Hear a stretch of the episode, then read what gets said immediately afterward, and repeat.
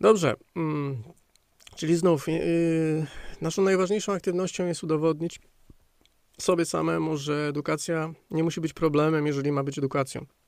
To oznacza, że zarówno proces uczenia się, jak i sam proces tworzenia yy, kompetencji, potwierdzenia ich w postaci testów e, czy weryfikacji ćwiczeń nie ma, na zadanie, nie ma za zadanie odsianie, e, darwinowskie odsianie tak zwanych słabych od silnych, dlatego że to, co to, ten test potrafi wtedy tak naprawdę odsiać, to on odsieje osoby, które w zasadzie nie potrzebują specjalnie się uczyć w jaki sposób reagować darwinowsko, przetrwalniczo, na szybko, od tych osób, które muszą się tego nauczyć. Więc jaki sens jest uczyć kogokolwiek odporności, rezyliencji, jeżeli sam proces uczenia ma dyskwalifikować i odsuwać i, i zrażać do tego procesu tych, którzy go najbardziej potrzebują.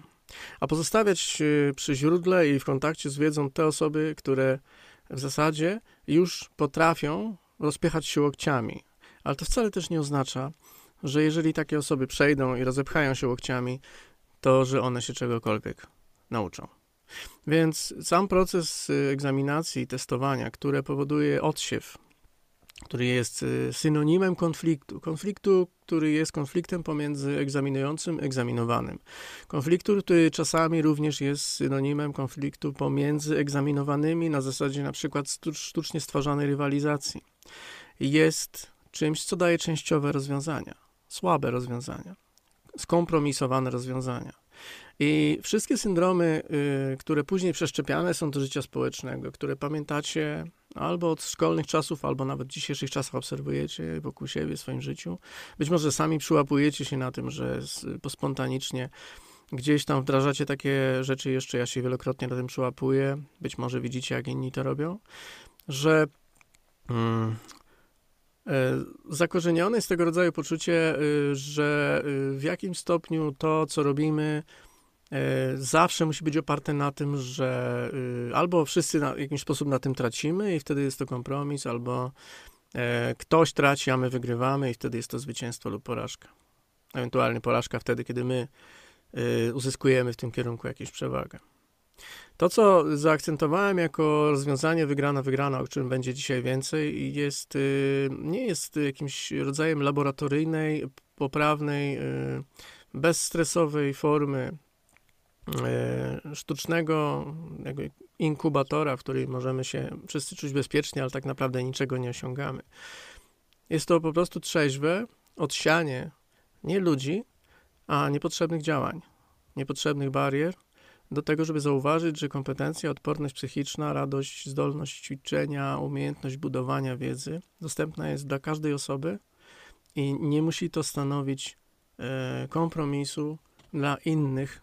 Wystarczy tylko, że sposób jej podania i weryfikacji będzie uwzględniający e, różnorodność, ale również e, zdolność człowieka do rozpoznania, że w większości przypadków potrzeby, które posiadamy, nie stoją w sprzeczności z potrzebami innych osób, a jedynie są tak postrzegane.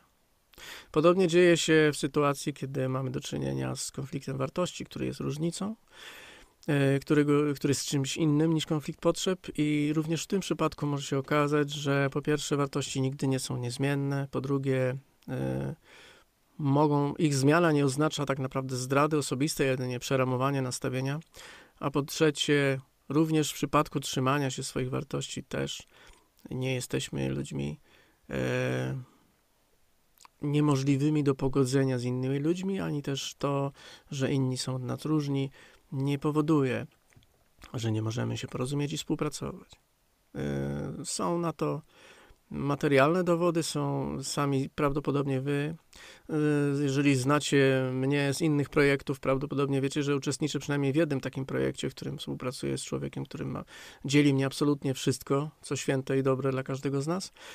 E, I mm, w tym samym czasie ta współpraca układa się rewelacyjnie i jest do tego dużą przyjemnością. Wygląda na to, że jeżeli chcemy modelować tego rodzaju wzorzec, to wydaje mi się, że mój projekt Tresura Matrixa jest do tego świetnym przykładem.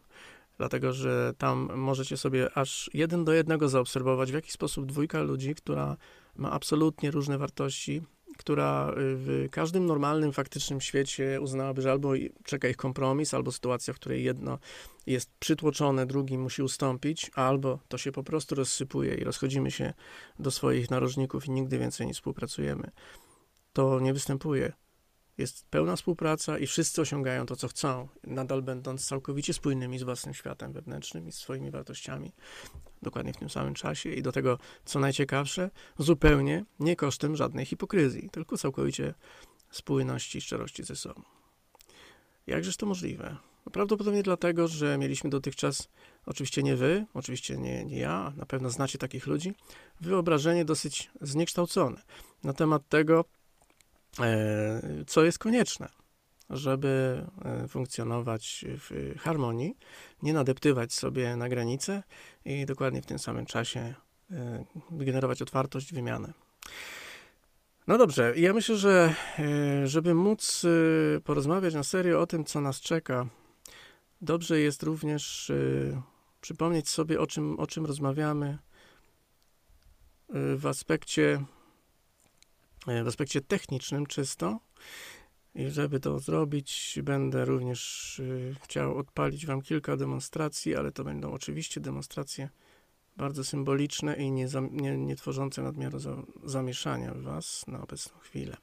Przede wszystkim ustalmy, że y, jakie, jakie, nie zmienia nam się kontrakt. Kontrakt polega na tym, że po pierwsze, wszystko, co tu się dzieje, jest całkowicie poufne. Oznaczałoby to, że zarówno mnie, jak i Was E, dobrze by było, gdybyśmy przyjęli taką wartość jak dyskrecja, ponieważ w procesach pracy, którą będziemy prowadzili, y, mogą zostać poruszone pewne osobiste wątki, rzeczy, które nie chcielibyśmy, żeby wydostały się, żeby ktokolwiek o nich wiedział, dlatego że mamy do tego pełne prawo, aby to, co jest dla nas tajemnicą, pozostało dla nas tajemnicą.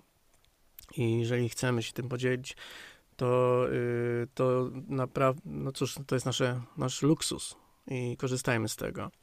I po drugie, y, z, y, między jednym z powodów, dla których y, prosiłem o, o wymutowanie, nie dlatego, że chcę was zakneblować i zagadać na śmierć, tylko dlatego, że mm, to, w jaki sposób się porozumiewamy, przez, za pomocą technicznego medium jest silnie uzależnione od jakości dźwięku i czystości tego dźwięku, który do Was dociera, więc w sytuacji, w której jeszcze ktoś ze swoim tłem może wjechać, sprzężenie zwrotne może kompletnie wyłączyć, e, zagłuszyć sygnał. E, po trzecie, materiały, które zostaną nagrane, będą dostępne wyłącznie do, waszej, do waszego wglądu. Co więcej, osób, których nie będzie, które jednak się nie stawią na tej, e, na tej edycji, no nie będę mógł im udostępnić materiałów dzisiejszej części. Będą one musiały, jeżeli będą chciały uczestniczyć w certyfikacji, przejść cały proces ze mną jeszcze raz. E, przynajmniej jeśli chodzi o część ćwiczeniową, byłoby to nie w porządku wobec reszty z Was, gdybym e, miał w jakikolwiek sposób e, spojrzeć na to przez moje krzywe i coraz bardziej pokrzywione palce. Dobrze, jeżeli ktoś z Was w czasie, w czasie dzisiejszych zajęć i jutrzejszych będzie miał wrażenie, że mu się przepalają styki i zaczyna słyszeć jednolity szum zamiast słów, E, jeśli ktokolwiek z Was będzie mieć wrażenie, że najprawdopodobniej zupełnie nie wie, co mówi, jeżeli próbuje tylko podążać za instrukcją w czasie ćwiczenia, to proszę się nie martwić. Jest to całkowicie normalne. Można to zgłosić i powiedzieć mi właśnie, że to się teraz dzieje. Najlepiej napisać mi to w czacie obok. E, I to jest dobry moment, żeby spojrzeć przez okno, oderwać się od, na chwilę od tego, wyjść na minutę, zostawiając włączony dźwięk, żeby wiedzieć, że lek lekcja się dalej dzieje. No byle nie w trakcie ćwiczenia. Ale nawet jeżeli jesteśmy w tego rodzaju, powiedzmy, coś, co wygląda jak kryzys, nie należy panikować. To prawdopodobnie następuje rozrost naszej tkanki nerwowej i przegrupowanie, i to najczęściej wiąże się z tak zwanym bow. Ten stan, który nazywa się e, właśnie bow, to jest stan e, tworzenia nowych połączeń nerwowych, czyli jak BEU zostanie wykonane, to my wracamy już z nowymi połączeniami dlatego prawdopodobnie należy wtedy wytrwale słuchać, ale nie starać się rozumieć. E, bo to oznacza, że nasz układ nerwowy nieświadomej części będzie absorbował wiedzę, tak czy siak. I ona do nas zostanie powrócona, no to od listopada, tak?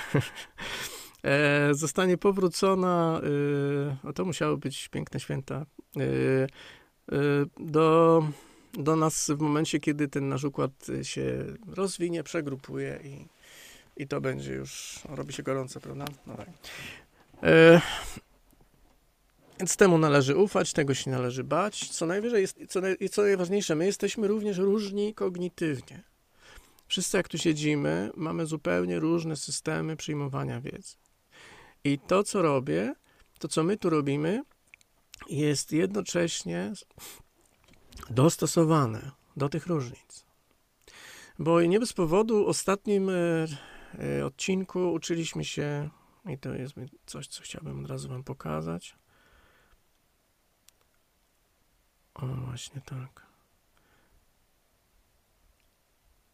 Nie bez powodu uczyliśmy się takiej, y, takiej rzeczy, że nasz mózg jest połączony z różnymi ośrodkami przetwarzania informacji zmysłowej. Czerwony oznacza y, wzrokowy, słuchowy to jest nie, granatowy, y, dotykowy to jest żółty, czyli kinestetyczny dotykowy w tym momencie, ośrodki koordynacji audiowizualnej fioletowy, dotykowo-wizualnej, to jest taki, no, dla tych osób, które nie mają problemu z odróżnianiem y, czerw- odcieni czerwieni, taki bardziej rdzawo, e, ceglasty. Niestety mam tę przypadłość, że widzę te kolory.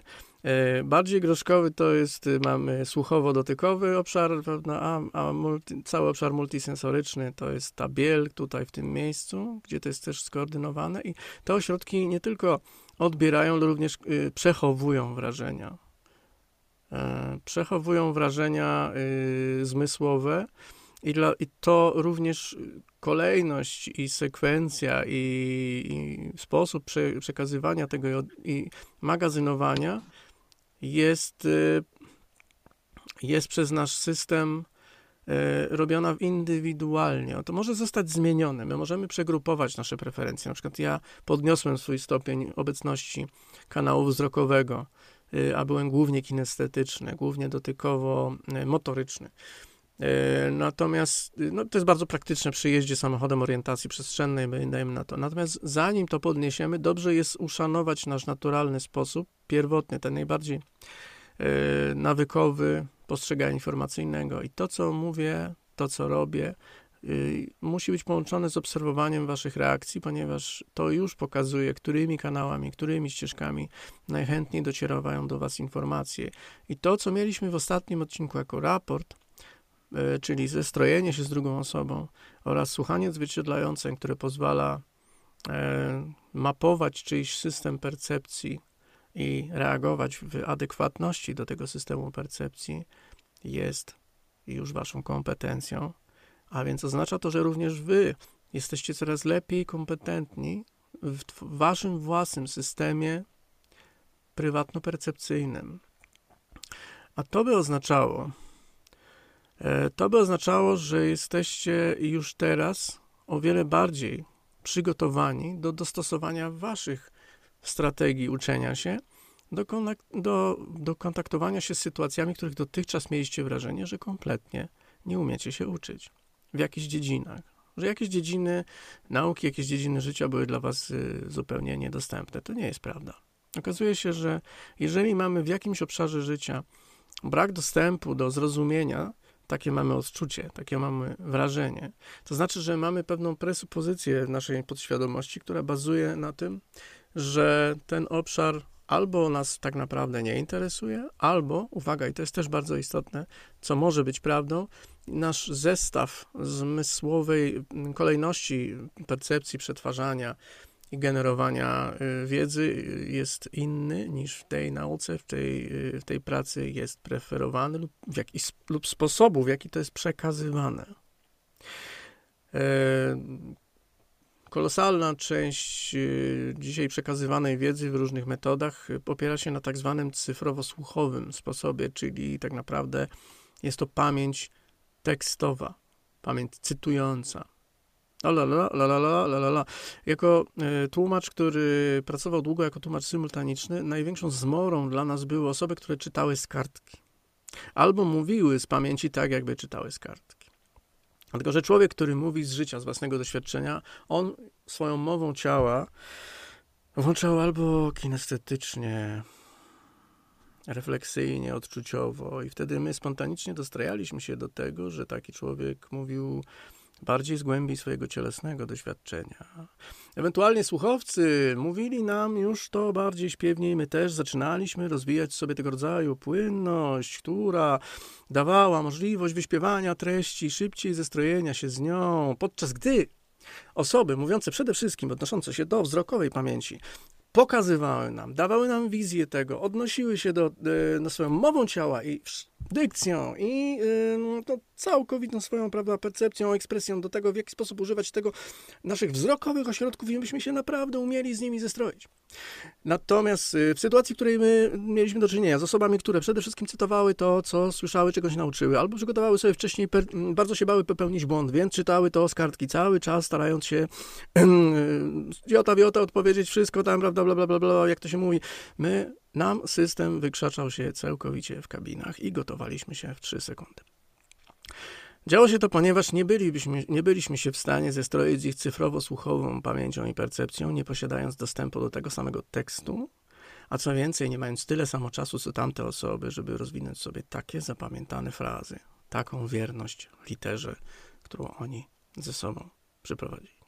Co najważniejsze, y, wasz um, prywatny sposób uczenia się jak już zresztą doskonale wiecie, ma również y, bardzo duże połączenie z waszą umiejętnością. To, co powiedziałem przed chwilą, jest presupozycją połowy transową. Macie również tę właściwość.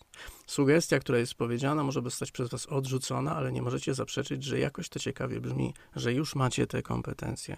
I prawdopodobnie nie wiem, czy was nie korci, żeby sprawdzić, jak to działa. Dokładnie w tym samym momencie, kiedy yy, mówimy o, yy, o zdolnościach yy, kognitywnych i preferencjach, potrzebujemy pamiętać o pewnym mechanizmie neurofizjologicznym, o którym jeszcze raz przypomnę, a który wy już doskonale znacie. Uwaga, presupozycja. E, tu mamy cały obszar limbiczny mózgu, który właśnie widzimy i to jest y, bardzo symboliczne pokazanie tego, w jaki sposób działa przede wszystkim o ten obszar. Ciało migdałowate jest y, kolosalnie ważne. Jest to pierwotna strukturka, bardzo potężnie powiązana z naszą zdolnością przetrwania i jak widzimy również podłączana do takich mechanizmów jak pamięć i e, odpowiedź, reakcje emocjonalne i co najważniejsze zdolność decyzyjności. To znaczy, że nasza decyzyjność nie leży w obszarze racjonalnym mózgu. Nasza decyzyjność, umiejętność podejmowania decyzji, zapamiętywania jest ściśle powiązana z naszą emocjonalnością, a nasza emocjonalność jest powiązana z naszym instynktem przetrwania. A to oznacza, że ten mały pipsztyk, który jak widzicie jest, y, no nie wiem, takim Marsem w porównaniu do Jowisza, całej obszaru naszego mózgu, ten pipsztyk jest odpowiedzialny za nasze decyzje. Więc to, jakie decyzje podejmujemy, zależy w 100% od naszych reakcji przetrwalniczych. I to jest skoordynowane, jak widzimy, jednym kanałem z tak zwanym, e, tak zwanym strukturą hipokampa. Hipokamp jest półkulistą strukturą, którego najważniejszą e, rolą jest e, przechowywanie pamięci tymczasowej, buforowej, co najważniejsze, e, i e, połączenie tego z naszym postrzeganiem czasu i przestrzeni. A więc to rolą hipokampa jest wytworzenie w nas sekwencyjności, czyli pouporządkowanie naszych doświadczeń e, w taki sposób, że będziemy je tak widzieli, jak uważamy to za logiczne. Słynny przykład tego, że większość osób y, pamięta atak y, Y, na dwie wieże terrorystyczny w taki sposób, że najpierw pierwsza wieża została zaatakowana, a potem druga. Znaczy, osoby, które widziały to w telewizji, nie mogły tego tak zapamiętać, ponieważ y, najpierw pokazano atak na drugą wieżę, a później dopiero dołączono do tego inne materiały, które pokazywały atak na pierwszą. Natomiast mózg, hipokamp wszystkich tych osób w atmosferze wysokiego szoku a więc pobudzenia ciała migdałowatego, ponieważ szok, stres, gniew silne pożądanie, głód i parę innych rzeczy jest bardzo silnie powiązany z tym, z tym obszarem, e, ponieważ to są główne triggery powodujące e, istotność wspomnień informacji. To emocje powodują, że dane informacje są dla nas istotne, nie ich faktologiczny zakres i uwaga, dotyczą to w równym stopniu osób neurotypowych, jak i neuronietypowych. Jakby sobie akurat te osoby neurotypowe, nietypowe nie wyobrażały, że są logiczne, to w istocie ich y, posiadają po prostu słabszy odczyt własnej emocjonalności. Natomiast y, to można zmienić oczywiście. Natomiast ich reakcje są w równym stopniu emocjonalne, jeśli chodzi o priorytety zapamiętywania. I te priorytety w naszym hipokampie są uporządkowywane według naszej sekwencji, naszego wyobrażenia czasu i przestrzeni, w którym to się wydarzyło.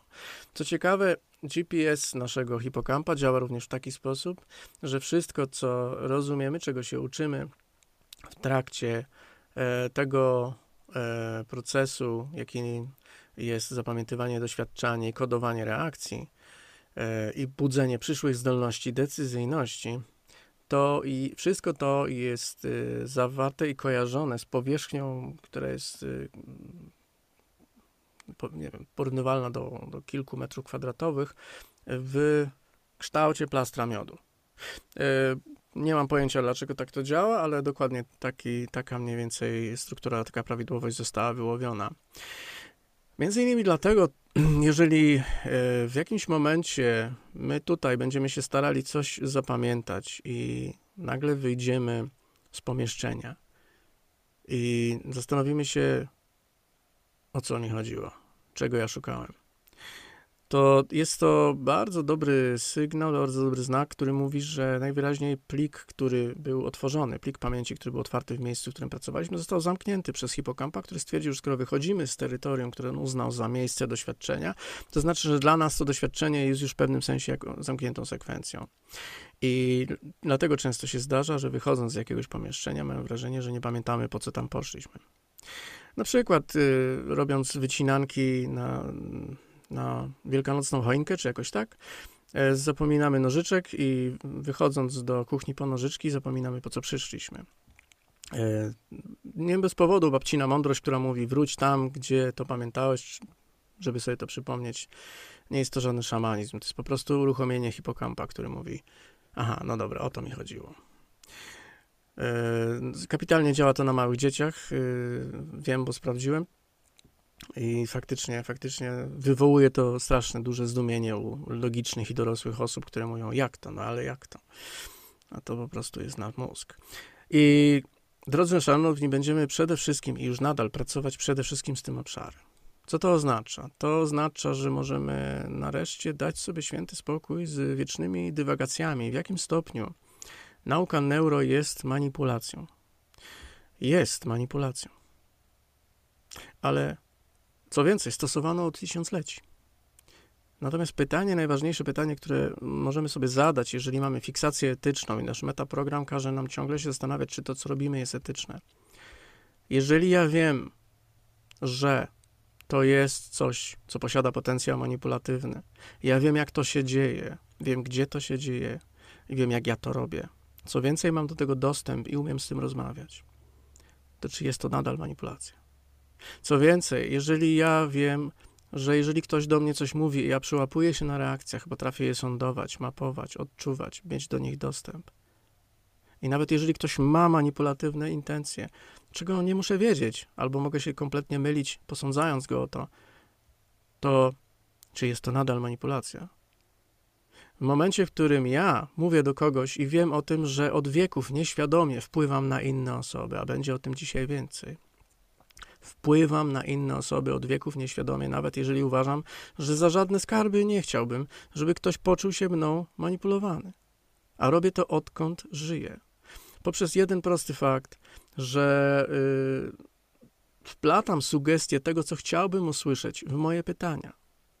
Wplatam sugestię tego, co chciałbym uzyskać w moje prośby. Ubieram się inaczej na spotkania, których chcę coś uzyskać, inaczej na spotkania, których mi nie zależy. Y, uśmiecham się inaczej do ludzi. To nie jest hipokryzja. To jest po prostu najzwyczajniej w świecie moja własna zdolność ekspresji, która mówi właśnie o to mi chodzi. Na tym mi bardziej zależy. Jeżeli ja o tym wiem, jeżeli ja to potrafię przed sobą przyznać, jeżeli ja uznam, że to nie jest ani dobre, ani złe, tak jak nóż do krojenia warzyw i podrzynania gardeł, jeżeli ja o tym wiem, to czy jest to nadal manipulacja? To jest bardzo ważne pytanie, żebyśmy się też w tym momencie poczuli odprężeni e, w zakresie naszego używania tej sztuki, ponieważ jeżeli wiemy, jak to działa i jesteśmy klarowni, przejrzyści przed sobą, to oczywiście mamy wtedy o wiele większą szansę wybrać opcję, która będzie polegała na tym, że również inne osoby będą od nas w klarowny sposób poznawały to. I paradoks stosowania NLP i innych sztuk neuroświadomych polega na tym, że im więcej się na ten temat bawimy, im dłużej to robimy, tym e, bardziej śmieszny wydaje się nam pomysł, żeby tego używać po to, żeby kimkolwiek kręcić. Dlatego, że wszystko, co y, robimy, aby ktoś w kompletnej nieświadomości dał nam to, e, czego może nawet nie chce nam dać, no kończy się to najczęściej czkawką, polegającą na tym, że osoba, która przynosi nam to, czego od niej żądamy, taką drogą, najczęściej jest dla nas mm, niezłym bólem w tyłku, jeśli chodzi o znoszenie konsekwencji. Bo my również, jako osoby niejednokrotnie manipulowane w naszym życiu, byliśmy bólem w tyłku osób, które nas manipulowały. Byliśmy strasznym bólem w tyłku, bo te osoby musiały ogarniać, musiały dbać o to, żebyśmy cały czas byli w tym stanie yy, złudzenia, który, który były używane, a my sami również nie bez powodu chcieliśmy pozostawać w stanie ignorancji na temat tego, co słyszymy, jak to słyszymy, jak interpretujemy. Więc yy, skoro to się wszystko odczarowuje, rosy czarowuje, no to gdzie tu jest manipulacja? Idąc dalej, e, tak jak idziemy w tej naszej pierwszej części, e, krótko przejdziemy przez, przez rzeczy i prawdy, które pamiętamy, które pamiętamy z pierwszej części zajęć. I przede wszystkim najważniejsze, zrozumienie tego, jaki cel ma komunikacja transformująca. Podejrzewam, że y, to jest większość Was już wie, ale y, komunikację transformującą od y, komunikacji w ogóle, jako totalności, wyróżnia przede wszystkim to, że komunikacja transformująca posiada najczęściej cel swego zastosowania. I jeżeli ten cel wyznaczamy, to pamiętamy również z ostatnich zajęć, jak ten cel powinien wyglądać, żeby był jak najbardziej prawdopodobny w realizacji. Czyli posiadał całą tę serię e, wyznaczników, które decydują o tym, że cel jest osiągalniejszy. Użyję takiej herezji gramatycznej. Czyli przede wszystkim jest on zmysłowo doświadczalny. Ma E, za chwilę odpowiem na pytanie Michała, e, bo to też jest taki najlepszy moment, żeby czasami zadawać pytanie w trakcie, byle nie, niespecjalnym tłoku. E, nawet teraz spróbuję się tego odnieść. Czy branie za dużo na głowę w krótkim czasie przeciąża hipokamp i go zawiesza?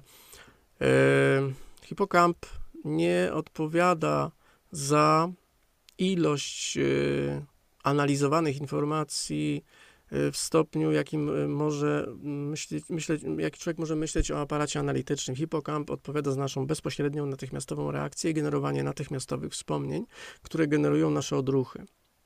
Więc jeżeli hipokamp, yy, hipokamp się praktycznie nie zawiesza, zawiesza się nasz system percepcji zmysłowej i intelektualnej w odczytywaniu jego intensywności pracy. On chodzi jak turbina. Jeżeli ma za dużo do przerobienia, jeżeli posiada bardzo dużą ilość y, materiału, y, który nie jest y, integrowany w trakcie snu, czyli nie docieramy w trakcie snu do fazy REM, której zaczynamy szybko pod powiekami poruszać gałkami ocznymi w przeróżnych kierunkach. Mówi się, mówiło się schematycznie, że faza REM to jest moment rozglądania się w świecie snów i dlatego te gałki oczne podróżują. W istocie y, najważniejszym celem tej fazy jest y, wywołanie, striggerowanie y, przeniesienia, zintegrowania wszystkich wspomnień z, y, zmagazynowanych w hipokampie, pamięci buforowej. Oznacza to, że tak jak y, dotyk stref intymnych powoduje y, orgazm czasami, miejmy nadzieję, życzę Wam. Tak jak y, y, ukucie szpilką receptora bólowego powoduje, że, że, że czujemy ból, y, tak jak akupunkturowe stymulowanie pewnych punktów w ciele powoduje zwiększenie przepływu krwi i zaktywację neurologiczną powodującą regenerację i zdrowienie, e, tak ruchy oczu triggerują, uruchamiają pracę hipokampa, które powodują rozluźnienie systemu i odspojenie materiału emocjonalnego, które aktywował e, ciało migdałowate, czyli wydzielania hormonów, które powodują odczucie psychosomatycznych emocji, od samego wspomnienia. Przykładem jest sytuacja, w której, yy, będąc nauczonymi w pewnym wieku o tym, że elektryczność jest groźna, ktoś nam pokazał film, jak wygląda porażenie, albo, albo kopnęła nas, yy, jakaś, jakaś, jakiś ładunek nas kopnął. Mieliśmy na pewnym etapie wybór, co z tym zrobić, i być może część z nas rozwinęła w sobie traumę przed elektrycznością i boi się jego. Natomiast znakomita większość z nas w wyniku akcji, które prawdopodobnie ruch gałek ocznych w naszym systemie wytworzył, zapamiętała, że elektryczność jest groźna, ale odspoiła emocję lęku.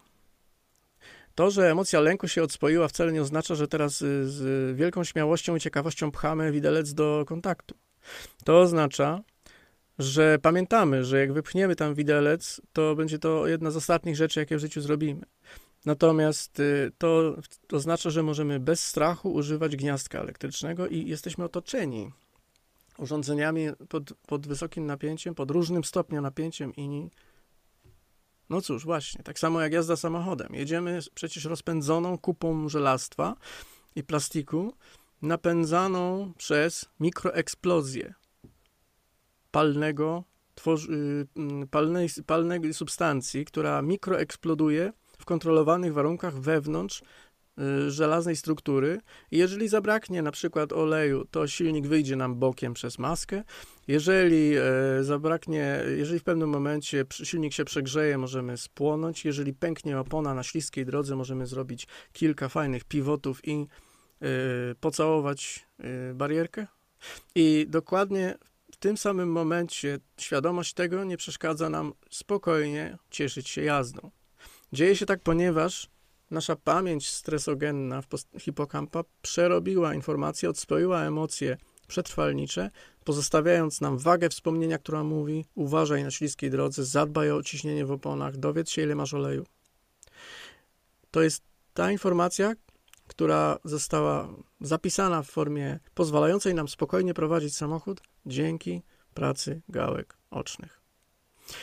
Jest taka metoda i część z Was się już y, zdążyła z tym zapoznać, e, czyli integracja stresu za pomocą ruchu gałek ocznych, tak zwany Men in Black albo Harry Potter, którym bardzo intensywnie ruszamy gałkami ocznymi w różnych kierunkach, dzięki czemu nasze traumatyczne, chroniczne wspomnienie, czasami zapisane właśnie w takiej formie, e, prześladujące nas jako chroniczny lęk, jako chroniczna trauma, zostaje zniwelowane tylko za pomocą poruszania oczami.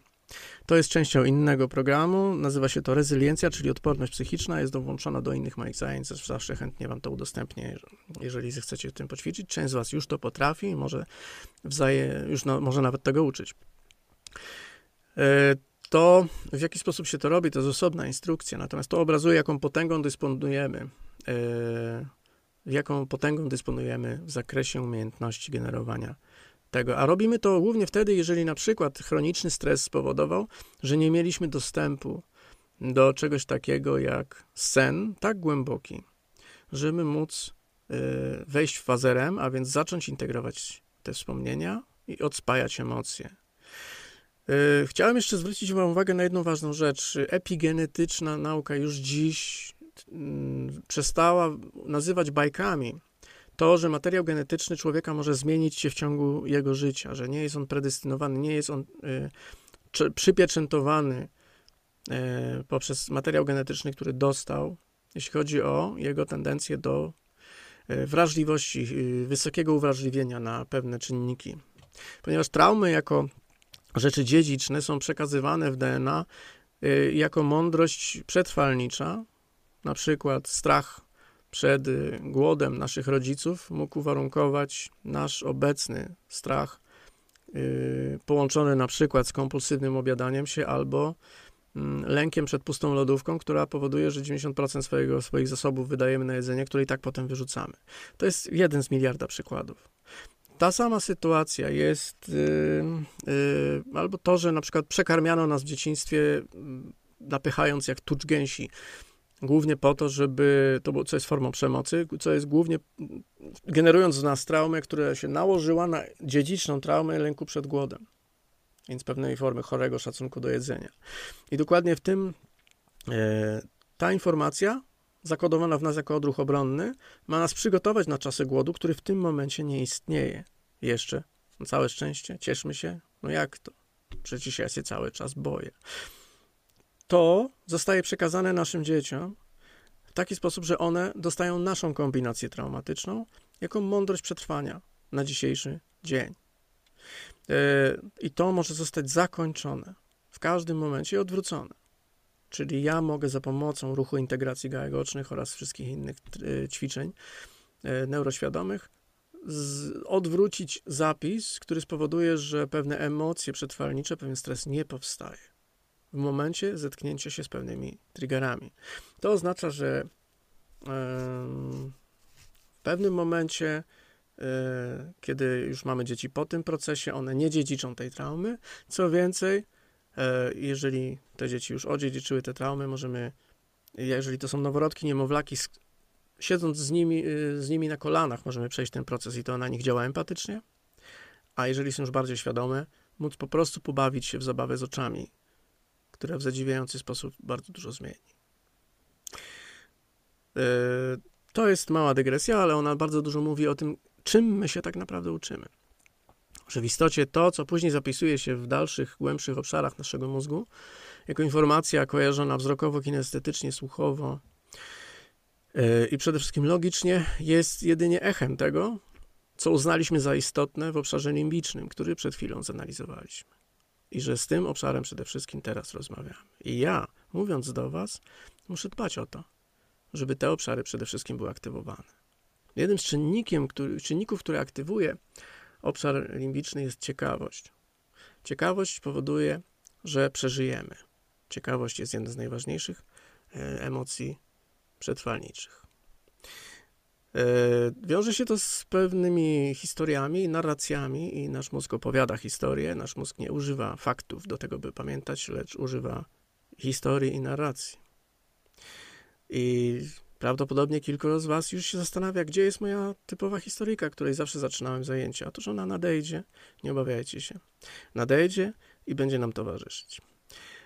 To jest część wstępna, po której nastąpi przerwa, a po niej rozpoczniemy kolejną część naszych dzisiejszych zajęć. Y, przed przerwą chciałem jeszcze y, zadbać o to, żebyśmy przypomnieli sobie kilka rzeczy związanych z tym, czym zajmowaliśmy się ostatnio.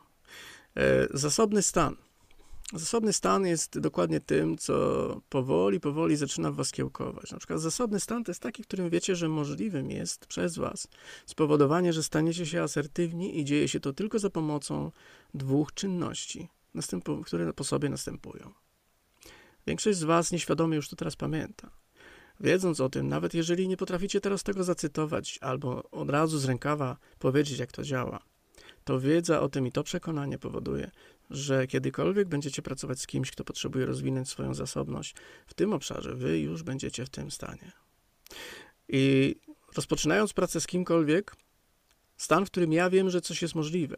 Mam takie przekonanie, ponieważ albo tego doświadczyłem, albo takim to pamiętam, albo wierzę w to i wierzę, że ta osoba to potrafi. Jest to stan wyjściowy, w którym ma sens praca. Gdybym przystąpił do tej pracy z wami w przekonaniu, że jesteście jednostkami niereformowalnymi, trudnymi i na pewno niczego nie chcecie wiedzieć, albo że ja jestem kompletnym idiotą i że zupełnie nie potrafię wam niczego przekazać, byłaby to klęska zanim bym rozpoczął i była to bardzo ważna lekcja dla mnie. Pod tytułem Popracuj nad zasobnym stanem, czyli dowiedz się. Dowiedz się tak naprawdę, jak siebie widzisz w tym procesie i czy widzisz sens w tej pracy z innymi, skoro nie widzisz w nich tego potencjału. Więc jeżeli siedzicie tu teraz przede mną, a ja dalej gadam, To znaczy, że ja widzę ludzi, którzy mają nie tylko potencjał, ale już kompletny wyraz tego, czym ta kompetencja jest. I to być może tylnymi drzwiami puka do Was z informacją od kuchni: Halo, halo, czyżby ten zasobny stan przypadkiem w tym momencie nie był również moim udziałem?